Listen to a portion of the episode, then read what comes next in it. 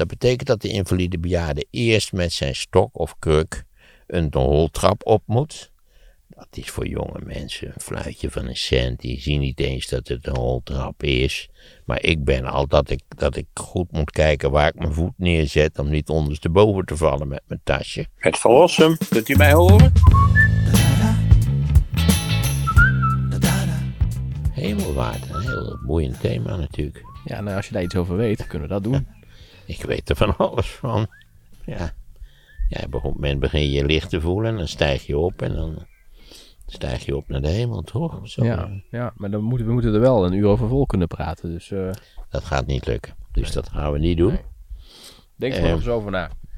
Wat kan. Ik denk erover na. Ik heb toch van alles te doen. Hoop slimste mens. Ja, leuk, leuk dat het weer begint.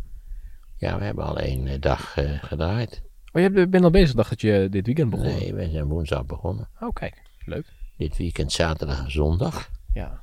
Het is een dubbele competitie dit jaar, namelijk een normale competitie.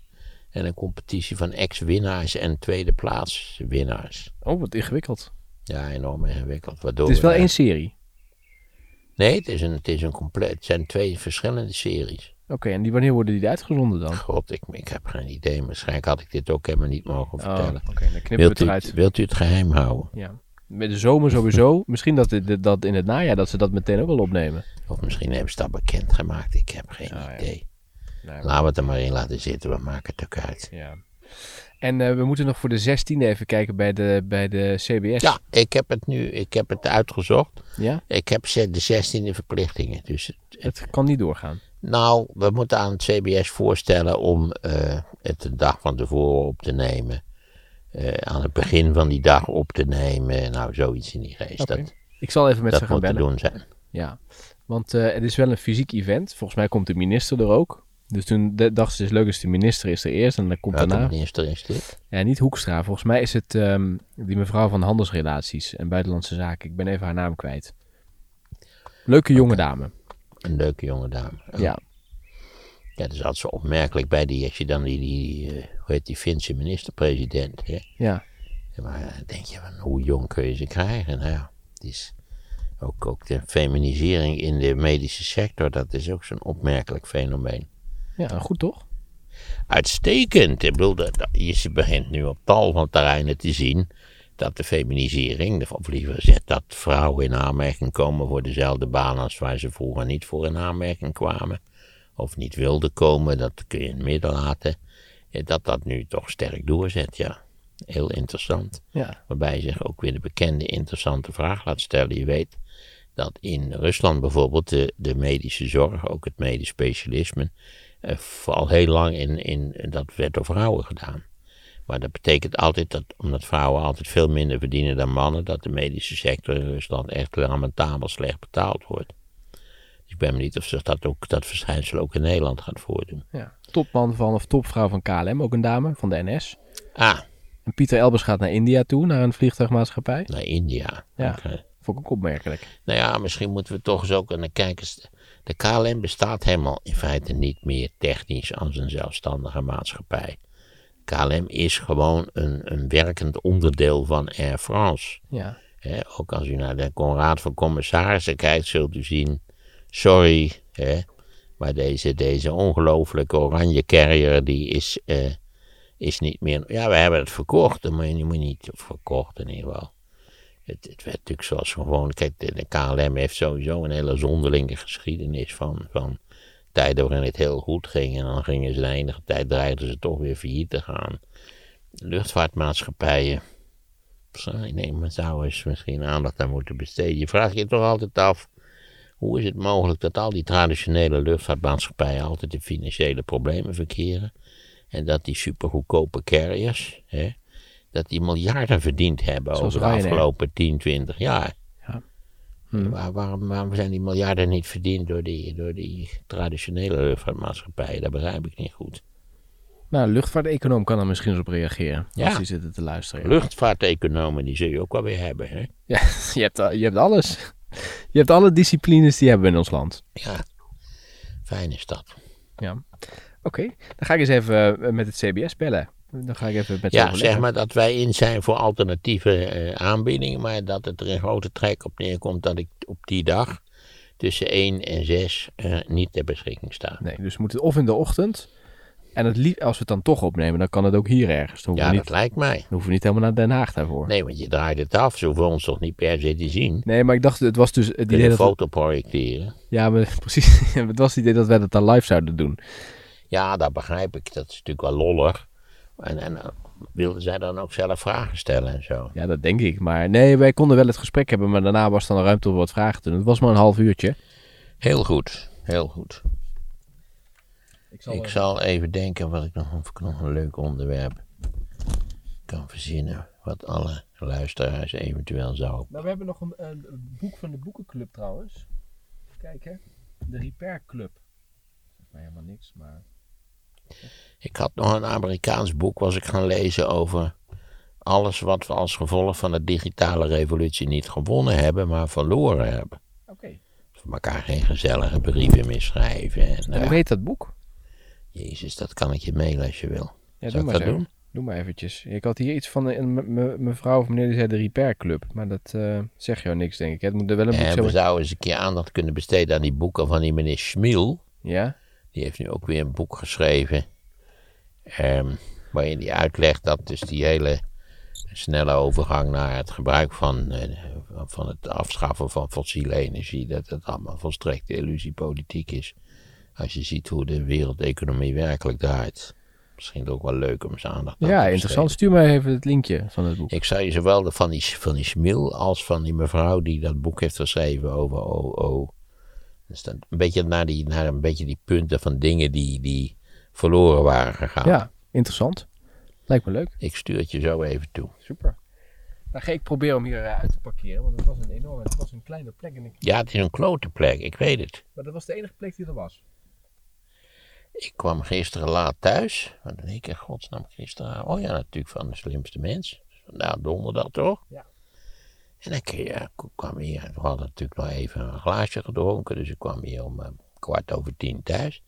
En ik kun je ook hier totaal niet meer kwijt. Dus ik moest eindeloos rondrijden. En dan tenslotte toch, godzijdank heb ik tegenwoordig zo'n cameraatje. Waardoor je veel makkelijker achteruit kunt rijden. Dat is wel een enorme uitvinding. Dus ik heb hem erin gekregen, maar ik, ik dacht nog van nou, als nog, nog twee of drie jaar zo en dan kun je je hele auto niet meer kwijt hier. Nee. Waar moet ik in godsnaam mijn auto neerzetten dan als hier alles vol staat? Ja, dan moet je dus heel op tijd, moet je, op tijd moet je dus hier, hier eh, komen. En eh, dan heb je nog plek. Maar als je s'avonds komt, is het Nee, kansloos. kwart over tien, zo, nou, niet zo. Kansloos. Nee, om zes uur eet iedereen en dan is alles vol. Ja, daar komt het op neer. Ja. Ik ben benieuwd. Ja. Want als ik, hem maar, als ik hem iets te ver weg zet, dan word ik bekeurd. Want je hebt natuurlijk een vergunning, maar die heeft een beperkte rijkwijde. Ja. Ja. Ja, dus dan is het eigenlijk de boodschap van eh, gaan we met, laat de auto staan, gaan we met de taxi. Nou ja, dat doe ik al vaak. hè. Ja. ja. Amsterdam, alleen per taxi. Maar ik zou het gewoon standaard gaan doen. Ja, moet ik wel standaard iedereen ook die taxi in rekening brengen natuurlijk. Ja, of je maakt een soort van eh, rittenkaart. En hoe, in de, wat had je in de bus? Zo'n zo'n strippenkaart. Voor het taxibedrijf. Ja. Nou ja, god, ik heb een prima taxibedrijf waar ik regelmatig gebruik van maak. Nou ja, allemaal vanwege het feit, laten we het nog eens even aanpunten, dat A, het rijden met auto's in Nederland al vaak een probleem is. Laat staan het parkeren van auto's. Hè? Ja, dat je dus, eh, ja, die mevrouw zal zeggen, zit niet zo te zeuren. Hè? Want we in Den Haag en Leiden kun je gewoon helemaal niet rijden of parkeren. Hè? Maar, eh, nou ja, het, het lollige is dat je leest over wat men verwachtte van de auto. Laten we zeggen in de jaren 10, 20, toen de auto voor het eerst een, een, een breed verkocht gebruiksvoorwerp werd.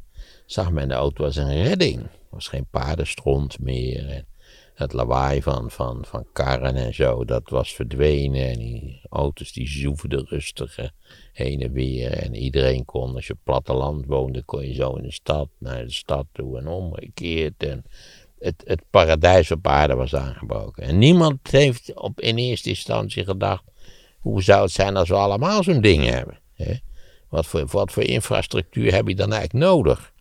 En ja, nu blijkt wat je ook doet, dat de infrastructuur voor de auto is altijd onvoldoende. Hè? Ja. Ook als je. Wat, ik, ik, gisteren dacht ik ook, weet niet waar ik reed. Dat ook al zo'n zo'n ding waar je, weet je twee keer vier banen. Vier banen aan de ene kant, vier banen aan de andere kant. En ik weet nog dat ik heel lang geleden, weet ik veel, ergens in Los Angeles reed over. Waar had je toen al vijf baanswegen? Dat je denkt, nou, dit is een krankzinnige wereld. Hè? Alle vijfde banen zijn bezet. En dat je altijd weer dacht, dat komt in Nederland niet. Dat kan ik me niet voorstellen. En verdomd, wacht een kwart eeuw en dan hebben wij het ook. De A2 tussen Utrecht en Den Bosch is, is volgens mij vijf baans, hè? Nou, in ieder geval je vier weet- baans. Je weet hoe vaak je daar ook, zeker aan het begin, vast zit. Ja. ja. En het grappige is, als je vanuit het noorden of het zuiden naar de Randstad rijdt, begint het met twee baans. Hè? Als je in Maastricht de A2 oprijdt, twee baans. En op een gegeven moment bij Eindhoven begint het al eh, uit te rijden. Eindhoven ook zo'n fameus knooppunt natuurlijk. Hè? Ja. Er hoeft ook maar dit te gebeuren of alles staat vast. Ja. Ja, het is een wonderlijke zaak dat je uiteindelijk dus, als je zo democratisch bent dat je iedereen zo'n klote machine hebt gegeven, of in ieder geval mogelijk hebt gemaakt dat die iedereen zo'n ding koopt, dat je het eigenlijk weer precies contraproductieve effecten heeft. ja. Maar goed, er zijn ook knoppen waar je kunt draaien om mensen de trein weer in te krijgen. Ik kan je, eh, dat gaan we nu op dit moment niet doen, maar zolang natuurlijk het openbaar vervoer zo functioneert als het functioneert in Nederland, en relatief functioneert dat eigenlijk heel goed, maar we hebben het er vaker over gehad, voor invalide bejaarden is het een, gewoon een klote systeem eerste klas. Je hebt eigenlijk als invalide bejaarde is het een zo, zo enorme hindernisbaan dat je, je begint er gewoon niet aan. Er zijn wel aparte stoeltjes waar je kunt zitten. Ja, daar heb je niks aan. Waar moet je die apar- aparte stoeltjes? Dan staat toch zo'n stickertje van hier Zal moet ik het een je meneer met even beschrijven voor de, voor de eenvoudige eh, luisteraars die nog niet bejaard zijn, die niet weten wat ze te wachten staan in feite. Hier, heb je lijn 8. Bovendien een elektrische bus, hij zoeft voort of het niks is. Maar goed, dan moet je eerst instappen als moeilijk wandelende bejaarde. En dan moet je op het juiste moment verdomd snel kunnen gaan zitten, want die bus die trekt op. Dat is voor de invalide bejaarde niet zo aangenaam. De invalide bejaarde wil toevallig naar Amsterdam of Haarlem of iets in die geest. Die komt op het station in Utrecht met lijn 8 aan de westkant van het station aan. Dat betekent dat de invalide bejaarde eerst met zijn stok of kruk een roltrap op moet. Dat is voor jonge mensen een fluitje van een cent. Die zien niet eens dat het een roltrap is. Maar ik ben al dat ik, dat ik goed moet kijken waar ik mijn voet neerzet. om niet ondersteboven te vallen met mijn tasje. En dan ben je boven gekomen, moet de invalide bejaarde met zijn stok of kruk 800 meter naar het oosten lopen naar spoor 2. Hè. Daar is namelijk, daar vertrekt de trein of spoor, spoor 2, het kan ook spoor 3 zijn, ik weet niet precies hoe het zit daar, maar in ieder geval moet je de hele hal door om naar Amsterdam te komen.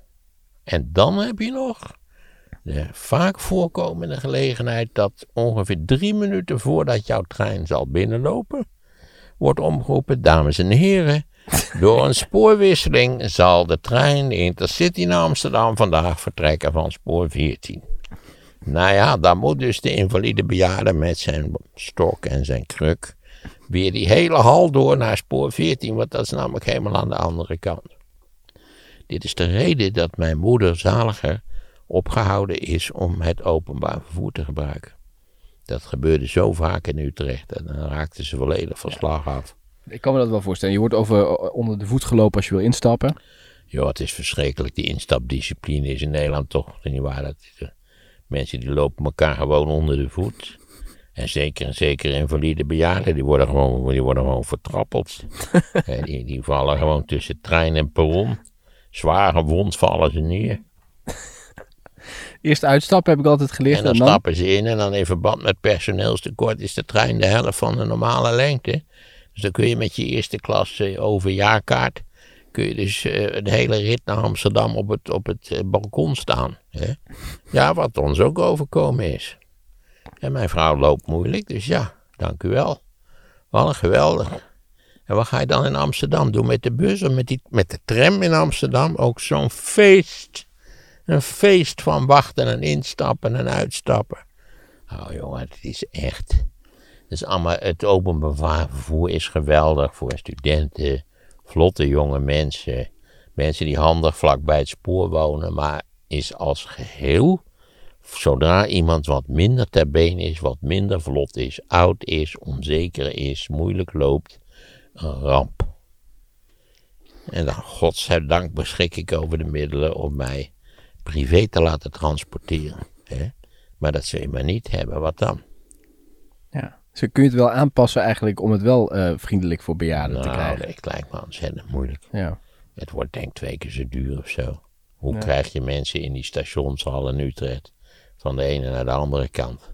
Niet? Hè? Kan, maar moet je daar ook overal rolstoelen Nee. neerzetten? Dan zou ik zeggen, wacht maar tot de volgende trein wel op dat Nou, je spoor hebt wel komt. locaties waar een rolstoel aanwezig is.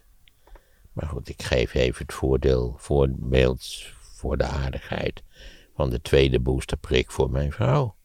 Die, dat was daar achter de jaarbeurs in Utrecht. En wij dachten handig, dan gaan we s'avonds even na het eten. En dat was nog, het was nog hartstikke koud. En daar stonden dus, eh, ik, naar mijn schatting, tot zeker 125 bejaarden te kleumen. Want die, die- de doorstroom die was zo waardeloos dat mensen buiten moesten blijven staan. Er werden honderd excuses gemaakt door die mensen daar, maar je stond daar dus toevallig wel drie kwartier in de kou als bejaarde. Mhm. Met je stok of met je kruk. Hè. Daar waren wel overigens rolstoelen. Dat gebouw zat overigens vol met drempels. En ik kan je verzekeren dat als je ook zelf weer oud bent, maar je duwt je vrouw in een rolstoel, dat je, dat je nauwelijks over die drempels heen komt. Hè, dat, dat is niet te doen. Moet je dat ding opwippen, dat is echt... Kortom, daar zouden ze nou eens een, een, een... Gewoon met doodnormale mensen die doodnormaal oud zijn, die doodnormaal wat minder ter been zijn, een documentaire van een uur, hoe dat is in de publieke ruimte. Ja. Dat is een goed idee voor Jan Slachter, om hier iets mee te doen. Ja, dat lijkt mij ook. Ja, we hebben weer een programma-idee. Wat je kunt doen. Je kunt dan met Rutte meelopen en je kunt ook nog zo'n programma maken. Ik heb geloof ik, sinds ik überhaupt iets met, met Hilversum heb, heb ik, ik, ik denk 6295 unieke programma-ideeën bedacht. Altijd hetzelfde. Wat een leuk idee. Ja, dat zouden we moeten doen. Wat leuk. God, nog nooit aan. Wordt nooit wat. Wordt Nou, echt nooit wat. Wel met, eh, met de slimste en hier zijn de Ja, verrassers. dat heb ik niet verzonnen. En ja, Hier zijn er volgens mij ook een volledig toevallige samenloop van omstandigheden. Ja, maar goed, dat is, het zijn wel programma's die, eh die Nee, ik scoren. denk even aan mijn ontzettend leuke ideeën. Hè, programma over stoommachines natuurlijk, waar ik altijd mee mee kom. Maar ja, dat zijn allerlei dingen waar je denkt, waarom wordt daar nou geen aandacht aan besteed? Postzegels. Bijvoorbeeld, hè, ideale onderwerp. Nou ga ik wel iets doen voor een, een soort portretgalerie met postzegels, waarbij de postzegels de Oh, portretten zijn. Ja. Voor de tv. Nee, nee, nee, dit is voor een soort van museum in Amsterdam. Oké. Ja. Maar je zou er best wel iets heel leuks van kunnen maken, zonder meer. ja. En ik vind nog steeds het leuke idee van gewoon rondrijden en kijken wat er gebeurt. In Amerika, Ja. ja. Nou ja, hier in Nederland kun je dat ook doen. Ja, daar zijn mensen ook altijd hartstikke enthousiast. Ja, dat zou je in Nederland ook kunnen doen, maar in Nederland ben je zo gewend aan de gekkigheden van Nederland dat je ze niet, niet, niet, niet meer ziet. Eigenlijk moet je dan een buitenlander huren die je meeneemt en die moet je erop wijzen. Want wat je gek vindt in Amerika, dat zijn heel veel dingen die zij vrij normaal vinden, maar die, jij, die wij als Europeanen gek vinden. Ja. Hè, want neem, neem bijvoorbeeld die film, eh, hoe heet die ook alweer, eh, Paris, Texas, van Wim Wenders. Nou, die, dat is op zichzelf een hele goede film, maar even afgezien van feit, de waarneming van Amerika en het Amerikaanse landschap en de gekkigheden in Amerika, van die rare benzinestations en dat soort van dingen, dat, dat is precies zoals een Europeaan Amerika ziet. En dat is eigenlijk, een, vond ik zelf, een van de leukste aspecten van die film Paris, Texas. Dus je moet, het valt je ook altijd op, als je in Amerika bent, zeker als je er voor het eerst bent, dan is de, ik ging met een taxi van, van JFK naar, naar Manhattan. Ja, dat, je, dat, is zo wonderlijk. Ja, je wil eigenlijk graag alles fotograferen. Het ziet er zo. Je hebt het allemaal al een keer eigenlijk gezien. Een beetje in het voorbijgaan op films of, wat dan ook. Maar het, het, het ziet er wel heel wonderlijk uit. Ja. Het is je niet verteld dat, dat eh, allerlei half uitgebrande fabrieken, eh, totaal vervallen huizen. En dan is het een van de meest vitale centra van de Verenigde Staten. Dat is dat. Bovendien, toen ik natuurlijk in 74 voor het eerst in Amerika was, stond sowieso de stad New York op, op failliet gaan. Of was al een beetje failliet gegaan. Het was, een, ja, het was gewoon heel slecht met de stad. Die zich geweldig gesteld heeft in allerlei opzichten. Ja. Maar dus je moet een vreemdeling zijn om de gekkigheid te zien. Dat is mijn theorie. Ja, dat hoor je Of dat je de eerste keer dat je in Amerika bent, dat je zo gefrappeerd wordt door al die Indiaanse namen. Die, je- die je eigenlijk niet verwacht. Hè? Eh, ja, wat zal ik zeggen? Mississippi, eh, Niagara. Dat zijn allemaal Italiaanse termen. Het hele. eh, in, Italiaans, Indiaanse termen. Eh, wat, hoe, heet die, hoe heet die rivier daar bij, eh, bij Pittsburgh? De Susquehanna, geloof ik. Nou, zodra je denkt van een rare, van een rare naam, het zijn allemaal Indiaanse namen. Dat is een hele gekke zaak eigenlijk. Mm. Buitenlanders zeggen hier in Nederland, wat wonen jullie klein? Dat krijg je altijd te horen, zeker in de Randstad. Ja, ik weet niet waar die dan vandaan komen, want dan zou ik wel dolgraag willen weten waar buitenlanders die echt ruim wonen, waar die vandaan komen. Is Nou ja, Zweden Duitsers. of Noren of Italianen ook, denk ik. Italianen? dat is nieuw voor mij. Misschien in sommige streken, misschien in het Ja. zuiden. Misschien niet in, in, in Milaan en dergelijke, maar eh, Ja, het zuiden is natuurlijk. eh, Zuid-Italië, dat is een andere wereld. Dat is een deels is dat gewoon de derde wereld. ja. ja. Beheerst door de maffia. Dat is misschien ook nog een onderwerp, de maffia. Nou, ik heb helemaal geen zin om van mijn raap geschoten te worden, dus dat gaan we niet Ja. doen, Nee. eerlijk gezegd. Maar bijvoorbeeld de Indiaanse namen in Amerika, dat is zo. En dan weet je dus, die mensen zijn verdwenen.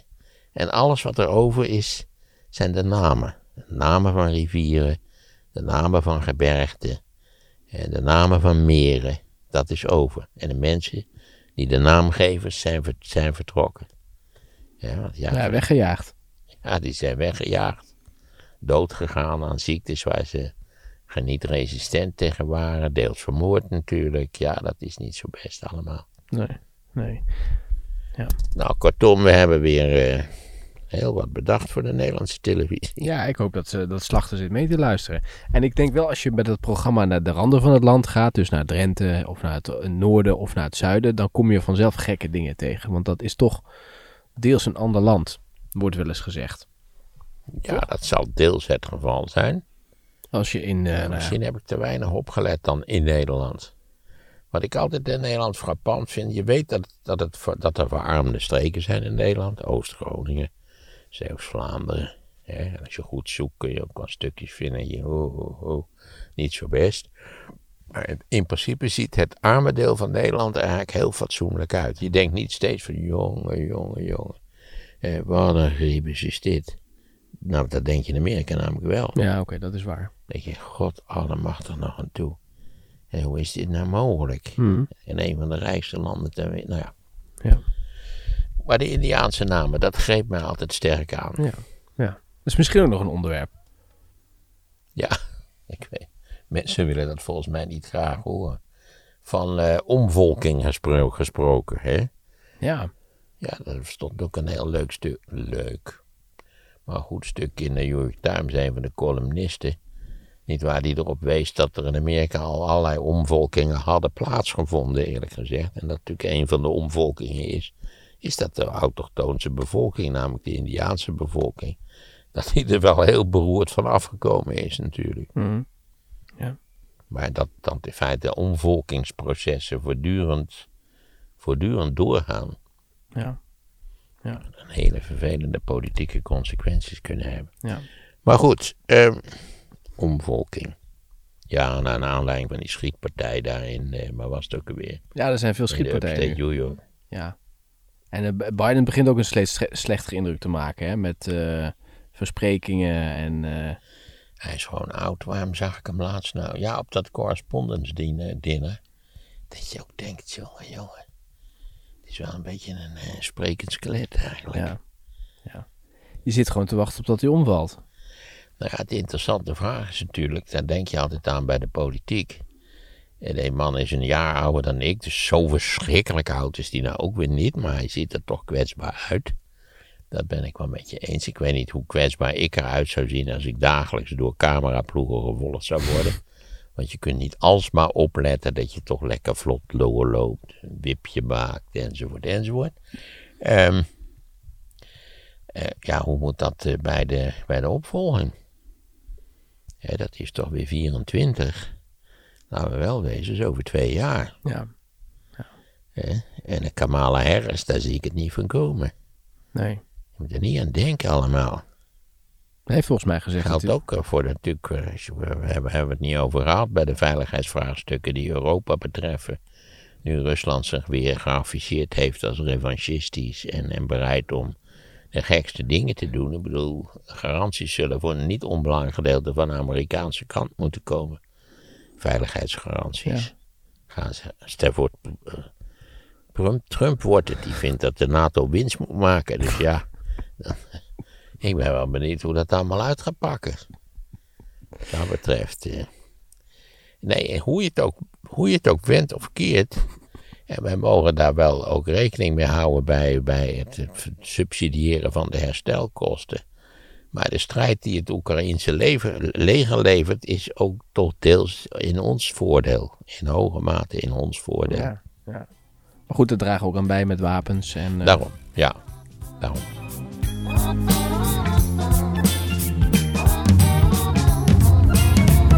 Jezus, dat kan ik je mailen als je wil. Hitler zelf heeft zich van het leven beroofd, waarmee ook alle conservatieve en elitaire krachten in Duitsland in feite tegelijkertijd van het toneel gevaagd worden. Maarten van Rossum over Hitler. Download het luisterboek via de link in de beschrijving.